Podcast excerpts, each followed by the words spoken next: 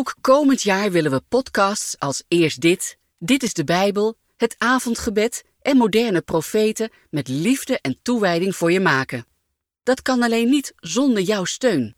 Daarom vragen we twee keer per jaar om een financiële bijdrage. Ook nu. We zijn dankbaar dat velen al een gift hebben gegeven. Als je er nog niet aan toegekomen bent, moedigen we je aan alsnog te doneren. Ga daarvoor naar berichten in de Eerst Dit app of naar de website izb.nl en doneer daar gemakkelijk en snel aan de IZB via een tikkie. Overmaken kan natuurlijk ook. Het rekeningnummer vind je op de website. Dank voor je steun en gezegende kerstdagen gewenst. Eerst dit, de Bijbelpodcast van de Evangelische Omroep, IZB en NPO Radio 5, die je elke werkdag helpt ontdekken wat Jezus volgen voor jou betekent. In onze kerstprogrammering deze hele week met Wim Vermeulen op de drempel van kerst.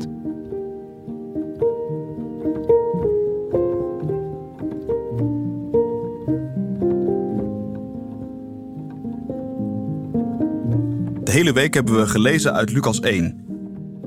Het begon met Zacharias, het eindigt ook met hem. Eerst moest hij zwijgen, nu zingt hij. Lucas 1, vers 67 tot en met 80. Zacharias werd vervuld van de Heilige Geest en sprak deze profetie. Geprezen zij de Heer, de God van Israël. Hij heeft zich om zijn volk bekommerd en het verlost. Een reddende kracht heeft hij voor ons opgewekt uit het huis van David, zijn dienaar. Zoals hij van oudsher heeft beloofd bij monden van zijn heilige profeten.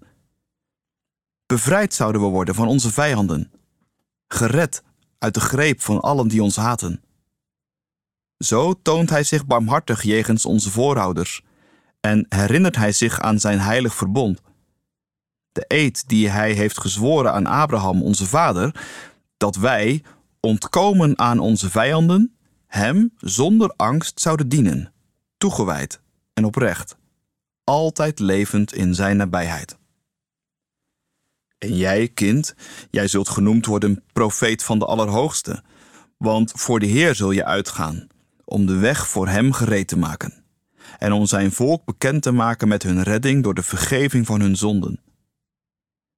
Dankzij de liefdevolle barmhartigheid van onze God zal het stralende licht uit de hemel over ons opgaan en verschijnen aan allen die leven in duisternis en verkeren in de schaduw van de dood, zodat we onze voeten kunnen zetten op de weg van de vrede.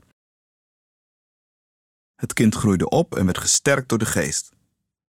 Johannes leefde in de woestijn tot de dag aanbrak waarop hij zich kenbaar maakte aan het volk van Israël.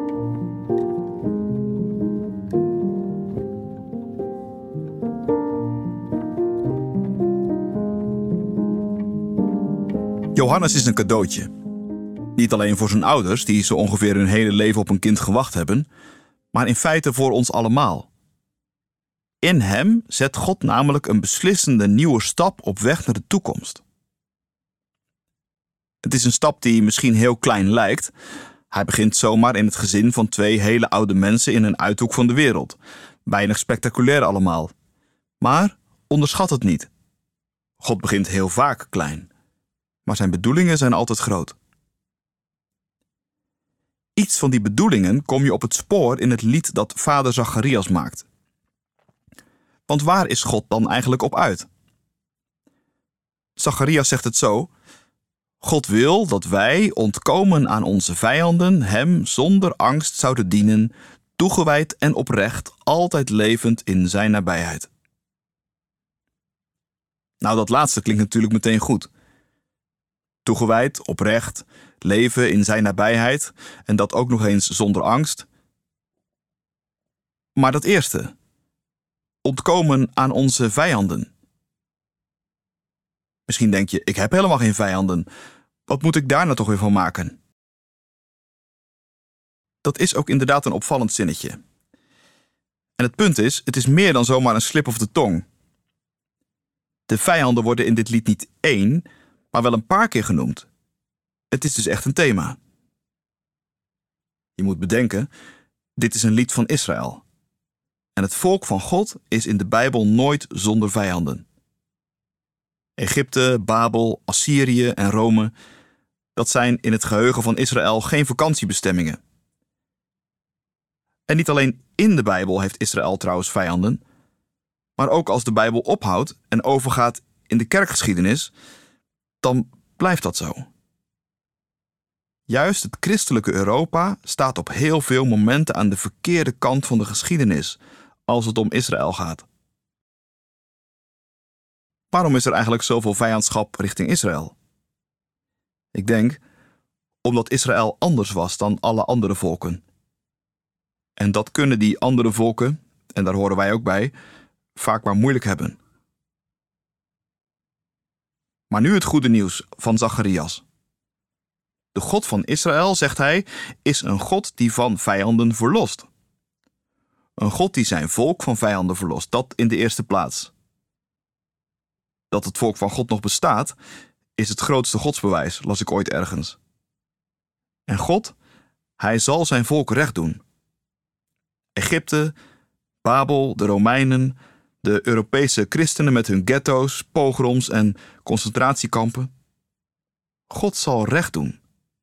God zal Israël verlossen. En via Israël, via Jezus, de Messias van Israël, verlost Hij ook ons. Want ook jij en ik hebben vijanden. De grootste zit het dichtste bij. Dat zijn we zelf. Dat is nog eens goed nieuws in een tijd waarin we met elkaar aan alle kanten aardig aan het vastlopen zijn. We hebben onszelf de afgelopen eeuwen tot het middelpunt van zo ongeveer alles gemaakt en zijn daarin een bewonderenswaardig eind gekomen. Maar het voelt lang zo goed niet meer als eerst. Maar God zal ons ook daarvan verlossen.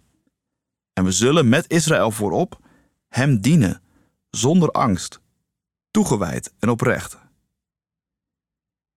Ik vind dat geweldige woorden.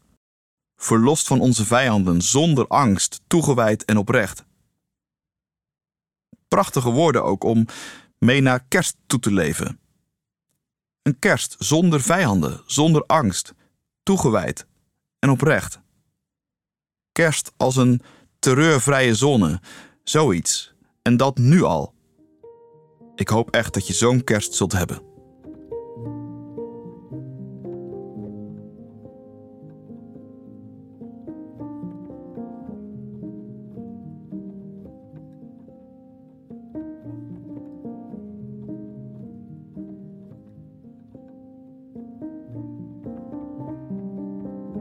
Heer, ik dank u. U bent een God die verlost van vijanden. Dat geeft me hoop. Laat me u dienen nu al, zonder angst, toegewijd en oprecht. In Jezus' naam.